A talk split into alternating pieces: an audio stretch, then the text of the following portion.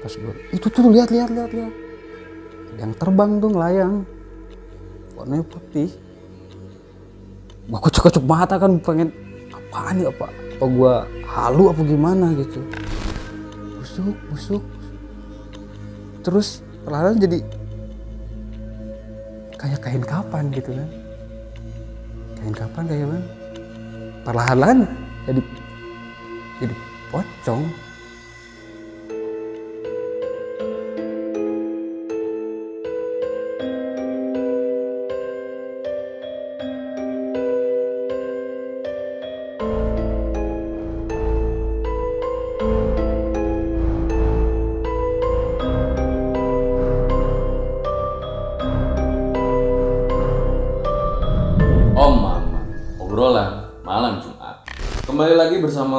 Fajar Aditya di sini di Om Mamat season 1. Dan di episode kali ini kita sudah kedatangan seorang narasumber yang mempunyai pengalaman horor sangat luar biasa. Selamat malam Mas Arya. selamat malam mas Fajar Pengalaman yang sempat viral di Twitter. Benar begitu Mas? sempat viral di Twitter 2018 viralnya 2018 kejadiannya itu di tahun 2008 sempat eh, viral di daerah Sukabumi cukup ramai cuman ya 2008 kan sosial media belum ada ya jadi belum Oh, jadi terekspos di daerahnya itu sempat heboh akan cerita itu. sempat heboh sempat banyak lah cerita-cerita yang eh, kejadian-kejadian itu ada yang didatangi ada yang melintas di Oh, jadi kampung berefek ya, banyak berefek ya. berefek cukup berefek Dan di cerita itu kan lu sempet viral ya, Kang ya. Itu bahkan sampai masuk beberapa media kan. Itu sempet terpikirkan nggak sih sama lu? nggak nggak nggak terpikir mau viral seperti itu kan cuman saya bercerita aja dan ternyata banyak yang membaca apa ya viral di Twitter ya, gitu aja Oh gitu. Dan sebelum gue lanjutkan ke ceritanya, buat kalian yang punya horror true story, silakan kirimkan ke email kami atau DM saja Instagram kami. Dan langsung saja, berikut adalah ceritanya.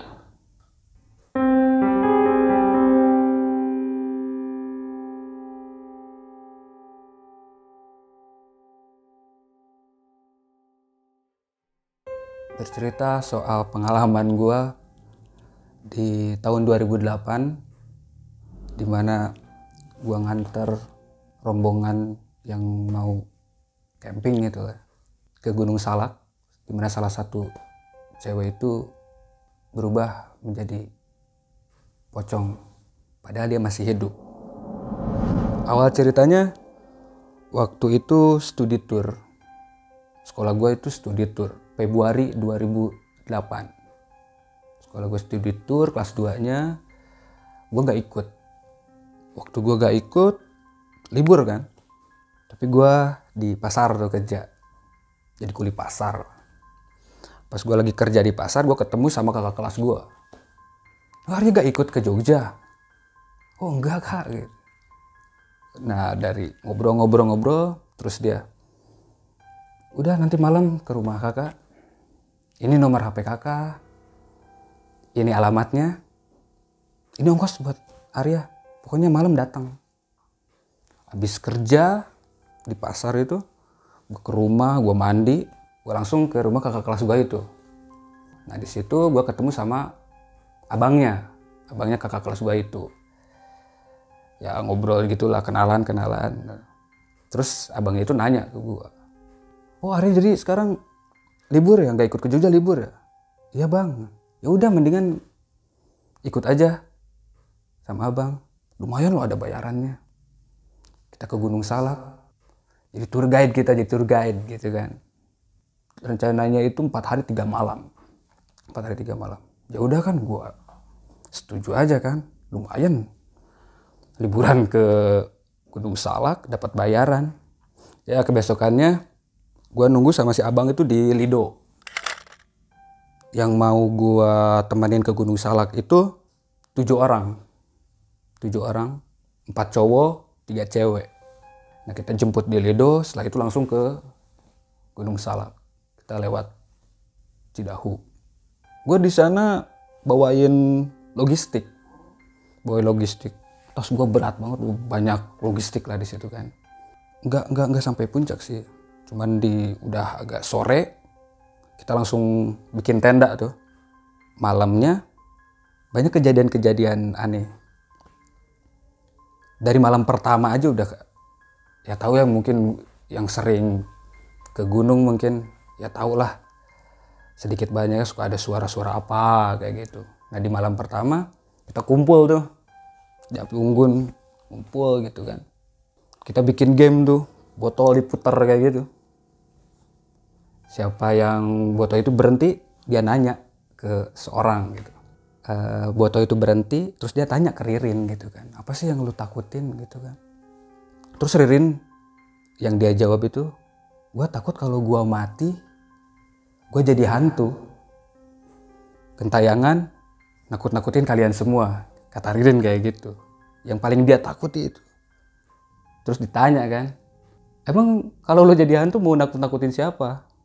Gue mau nakut-nakutin Arya gitu. Pada ketawa lah itu kan bercanda-bercanda kan. Nah, itu di malam pertama.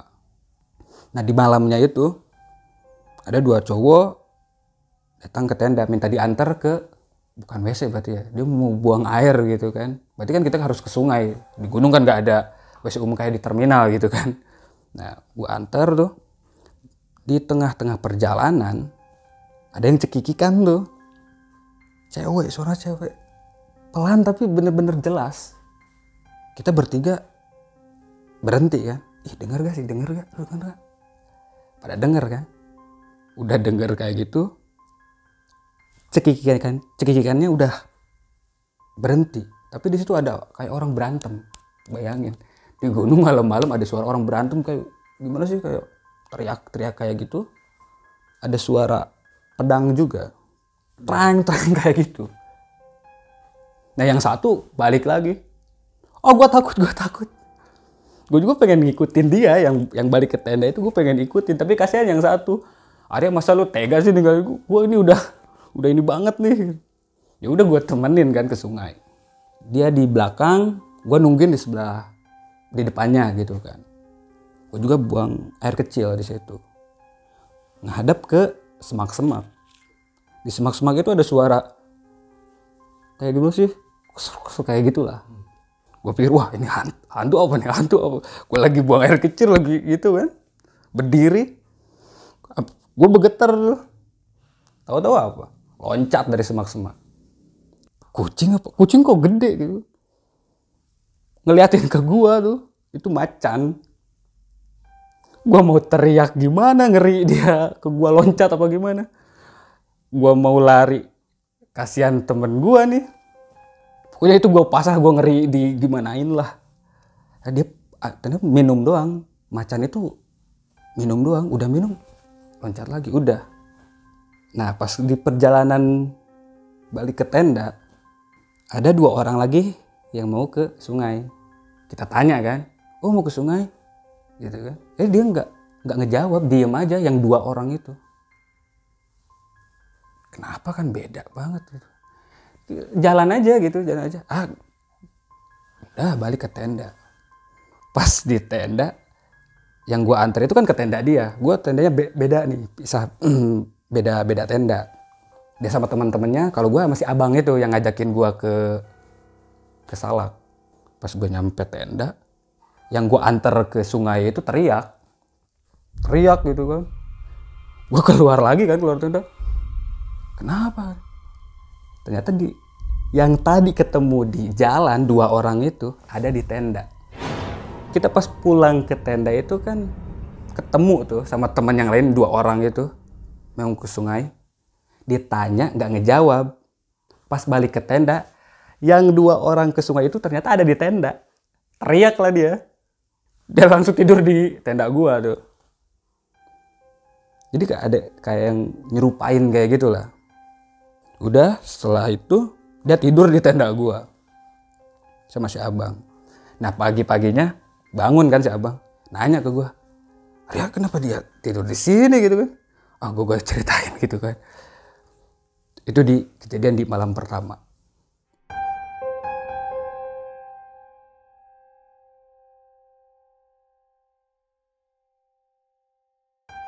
Di malam yang keduanya kita pas lagi ngumpul-ngumpul tuh pas lagi ngumpul-ngumpul gue inget Ririn salah satunya itu Ririn. Ririn itu kedinginan. Ah tunggu ah Ririn mau ngambil mantel dulu. Ririn bilang kayak gitu kan pas lagi ngumpul nih. Dia ke tenda terus dia bilang ih siapa sih nih yang jahil? Kayak gitu kan. Disamperin kan kenapa Rin? Kenapa? Ini mantel Ririn kok gak ada? Siapa sih yang ngumpetin? Kayak gitu kan kita cari itu bareng-bareng. Emang gak ada kan mantel Ririn gak ada. Udah kan kalau udah malam. Udahlah besok aja lah besok aja. Nah udah pada masuk ke tenda ke tenda ke tenda tinggal gua sama si abang kan gua sama abang eh, paling terakhir lah masuk tendanya. Nah pas gua mau masuk tenda si abang kan belum pas mau masuk nih si abang ngelihat ih apaan tuh apaan? Kayak gitu kan baca bang lu lihat apaan bang? Pas gua itu tuh lihat lihat lihat lihat. Ada yang terbang tuh ngelayang warnanya putih. Gua kocok-kocok mata kan pengen apaan nih apa apa gua halu apa gimana gitu? Apa mata gua salah nih? Salah ngelihat muter aja. Putih. Ah, bang itu kayak mantel ya? Apa itu mantelnya Ririn gitu kan? Udahlah kita ambil kita ambil katanya "Oh, jangan lu jangan. Ngapain diambil itu kayaknya lagi dipakai sama jin gunung salak kata dia kayak gitu. Gue takut sebenarnya itu takut. Gue dibayangin aja benda ngelayang kayak gitu itu gue masuk sama si abang kan ke, ke tenda oh gue gemeteran tuh gemeteran gue juga takut. Terus si abang tidur oh, eh, sebelum tidur dia ngomong gini Ari jangan eh, jangan tidur semua. Gue dulu tidur gantian kata dia. Sambil ngerokok ngerokok gue dibukain sedikit tuh. Takut juga gue sambil ngerokok ngilangin rasa takut kan ngilangin rasa takut. Nah di situ Ririn datang ke tenda minta diantar ke sungai. Dia mau buang air gitu sama temennya. Itu masih di malam itu. di malam kedua ini. Malam kedua. Oh, di malam kedua. Gua antar kan ke sungai. Di perjalanan ada yang teriak Rin tunggu. Cewek suara cewek Rin tunggu. Pas jalan berhenti kan Ririn nengok. Iya. Kayak gitu lah. Gitu. gua pikir itu cewek yang satu lagi. Kan ceweknya ada tiga nih. Yang gua antar ke sungai itu dua orang. Jadi ada satu cewek di- masih di tenda. Gua pikir itu cewek mau ikut juga ke sungai. Ditungguin kok gak ada gitu kan? Ih lama ih lama. Udah, udah gak kuat kata Ririn langsung kayak ah, gua ke sungai nemenin gitu kan. Nah, biasa gua mau ngadep ke mana gitu kan. Dia berdua-dua di sana gitu kan. Ririn teriak itu apaan sih? katanya. Ih, itu kayak mantel kayak mantel Ririn deh. Ih siapa sih yang jaya? Kok tega-teganya sih? Mantel Ririn di simpen di sungai. Jadi di, ada batu putih gitu kan. Gue ngelihat awalnya ngelihat cuman ah gue pikir itu plastik atau apa. Cuman Ririn oh, kayaknya itu mantel Ririn. Udah nanti aja besok aja ambilnya besok aja. Tapi Ririn kan ah nggak mau itu kan mantel kesayangan bapak nanti kalau besok hilang gimana? Ih, siapa sih tega amat sih gue pengen ngomong gitu kan ah itu gak ada anak-anak yang jahil. Tadi gue lihat itu ngelayang sendiri kayak gitu kan. Udah tuh. Daripada Ririn yang ngambil ngeri kan cewek yang ngambil. Ya udah gue yang ngambil. Deg-degan ada gue takut jujur. Ya orang gue pertamanya lihat itu mantel ngelayang sendiri. Gue ambil mantelnya. Di batu agak gede itu sih. Udah gue ambil gue kasih ke Ririn. Nah balik kan? Pas balik cewek yang nggak ikut itu ada di api unggun.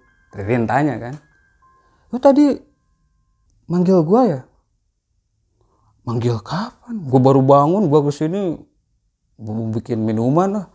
Lu mau ke sungai nggak bilang-bilang katanya gitu. Gua kan takut. Eh tadi lu nggak manggil manggil apaan sih? katanya. Eh tadi gak ada yang manggil gua. Orang gua baru bangun tidur katanya. Itu di malam kedua.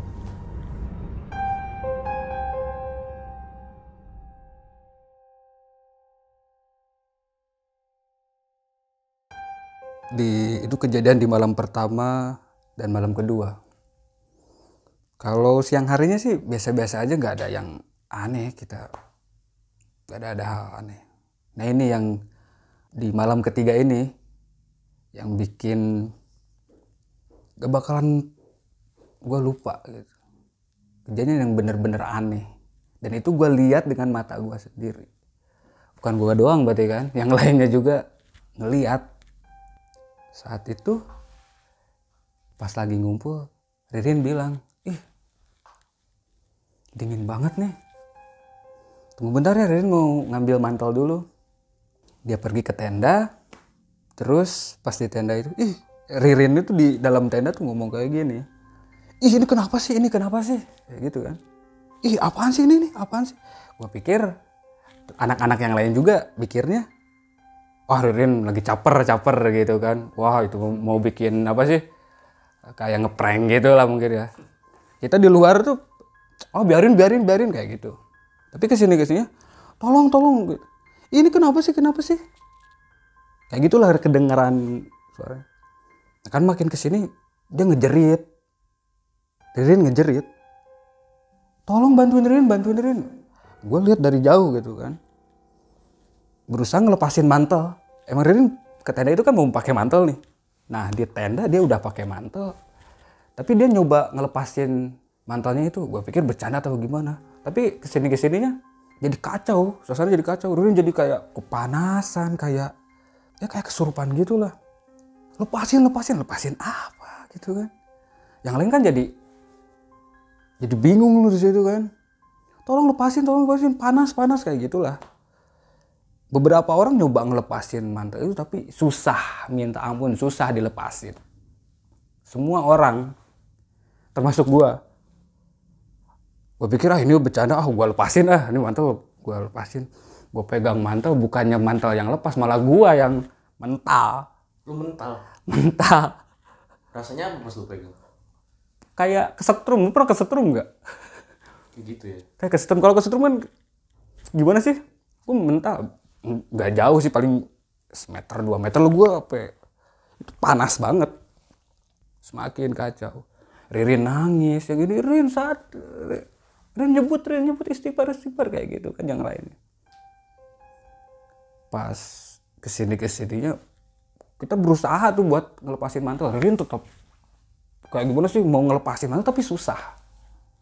Oh udah udah bareng-bareng yuk bareng-bareng bareng-bareng. Kita mau ngelepasin uh pada ada yang kepanasan. Jujur gue abis gue kepet lagi tuh gue gak berani megang mantelnya. Ngedeketin Ririn tapi Ririn di situ malah loncat. Loncat kayak kayak bukan loncat kayak kayak diseret gitu. Pernah lihat orang diseret gak? jadi dia nggak ada yang tapi kayak ngelayang kayak gitu. Ngelayang. Kayak ada yang nyeret dia. Kita mau ngedeketin diseret. Tolongin Ririn tolongin Ririn tolongin Ririn.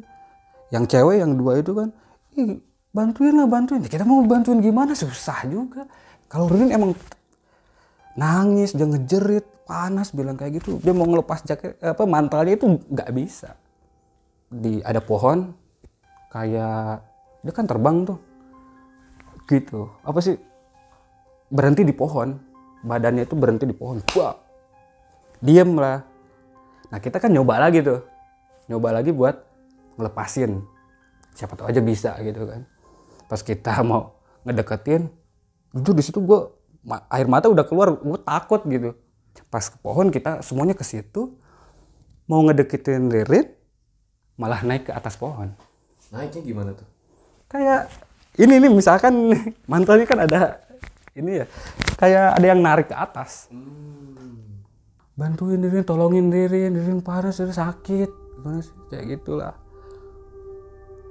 Ke atas pohon dikit-dikit ini gua nggak pernah lupa nggak nggak bakalan mungkin gua lupa gitu kan. Pakai celana celana panjang pakai mantel perlahan-lahan. Jadi busuk gitu. Kakinya busuk. Busuk busuk busuk. Terus perlahan jadi kayak kain kapan gitu kan kain kapan kayak gimana? Perlahan-lahan jadi jadi pocong. Berubah. Mukanya doang yang enggak. Tapi ini kelihatan eh, kalau pocong misalkan kebungkus semua ya tapi kakinya masih masih kelihatan busuk gitu. Kayak bayangin mantel. Kita lihat apa gua lihat dia tuh pakai celana kayak mantel tapi tiba-tiba jadi kain kafan. Udah kayak pocong aja nah mukanya perlahan-lahan ya sama kayak kakinya mulai busuk mulai busuk nangis. Yang cewek ya ada yang pingsan ngelihat kayak gitu. Jujur gue juga kalau pengen nangis ya udah nangis sih. Cuman gue tahan-tahan aja gitu kan. Takut bener gue gue baru ngelihat orang berubah. Pernah ngelihat yang ngebongkar kuburan gak sih di mana si mayatnya itu kain kapannya itu kotor. Nah kayak gitu. Ini busuk. Nah di situ kan oh, kita udah udah panik lah. Kita mau nolongin ya gimana? Kita nggak kita nyoba buka mantelnya aja. Susah. Itu yang sampai detik ini gua nggak ngerti gimana bisa berubah jadi pocong. Ya udah kita putusin aja. Ya ya udah. Kita turun kita turun kita minta bantuan. Siapa tahu aja bisa nolongin Ririn yang udah jadi pocong gitu.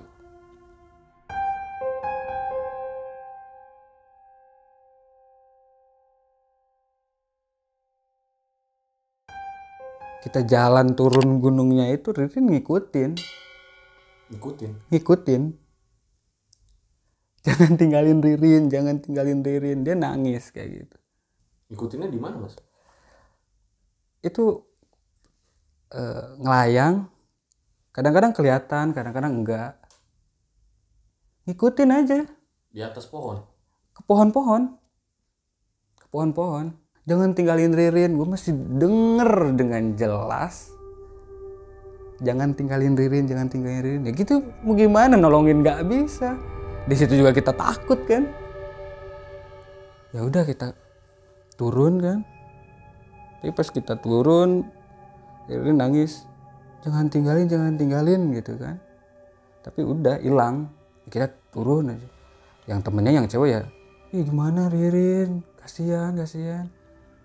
Udah pas turun ada telepon bunyi. Telepon bunyi kan. Itu HP-nya Ririn. Mau diterima kan? Pada nggak berani. Ini, ini buk bukapnya Ririn bukapnya Ririn gimana nih pada nggak berani. Ya itu kan salah satu terima tuh di loudspeaker Ririn di mana? Gitu kan. Bokapnya itu tanya kan. Om ini temennya bukan Ririn gitu. om. Belum dia ngejelasin bokapnya Ririn bilang kayak gini. Eh tolong bilangin ke Ririn itu mantel. Jangan dipakai ya katanya.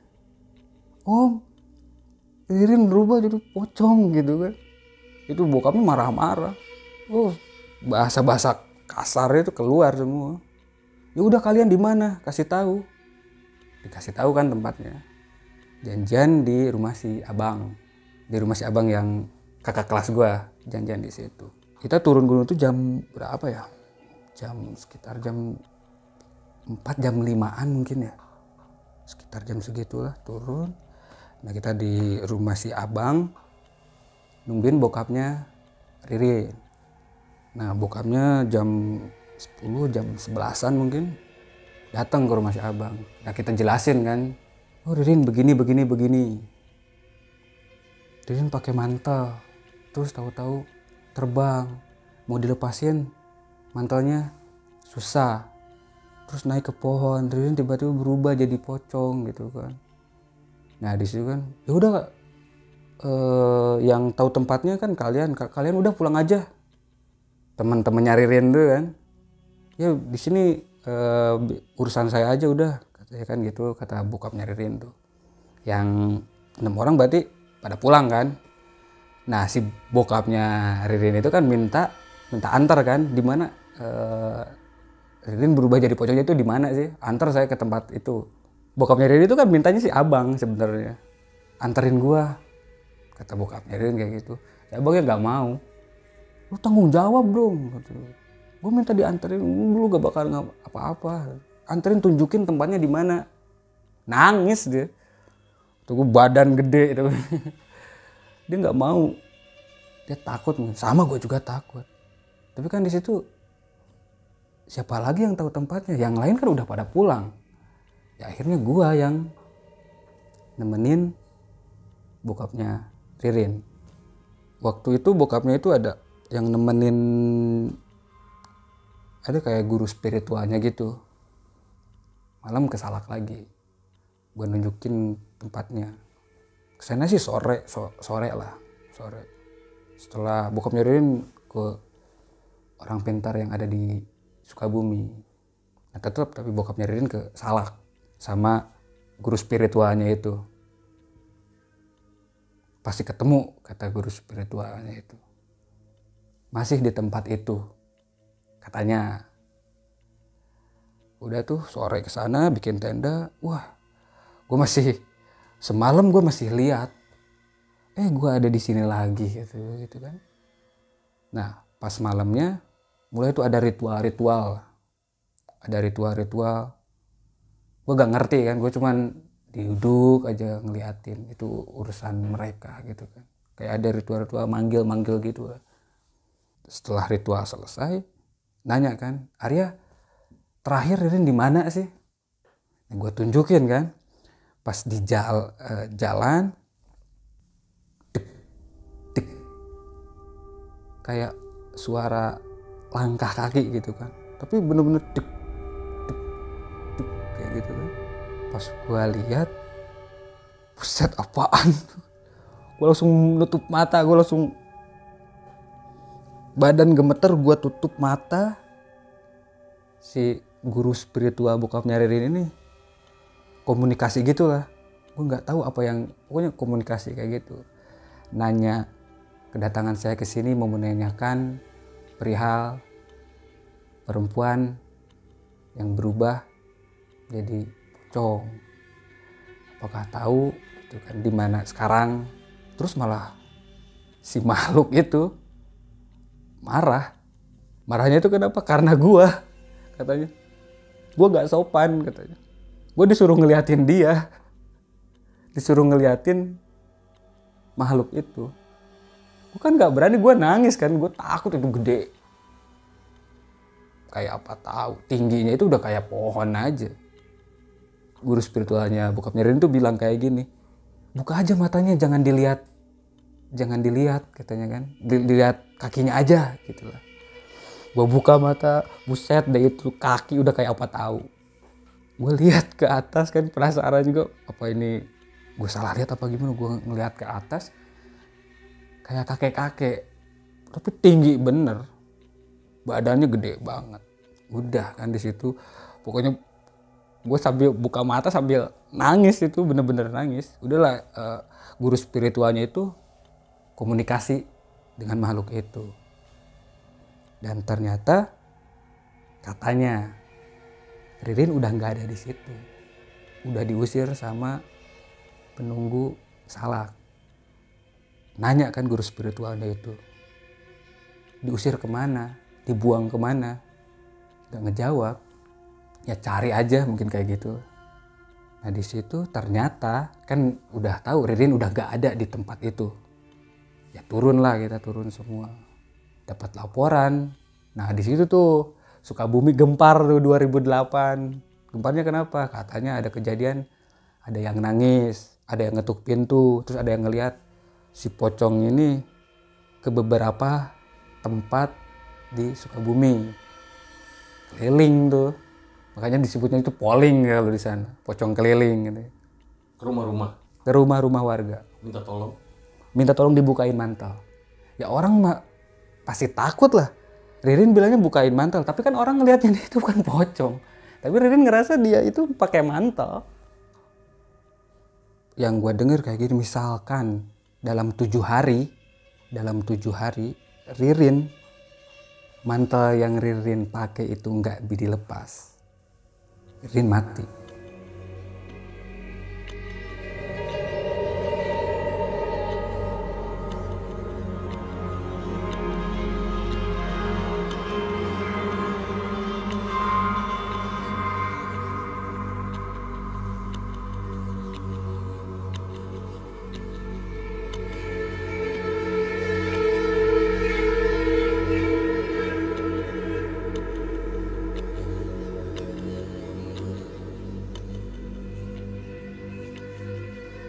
Pikir awalnya itu udah selesai. Ririn udah ada masih hidup mantelnya udah dibakar. Selesai urusan. Ternyata enggak. Waktu itu gue sama kakaknya Ririn yang cewek gue megangin Ririn tuh emang bener-bener deh. Tangan tangan biasa aja. Gue pegang kan sama itu bener-bener loh. Berontak bener-bener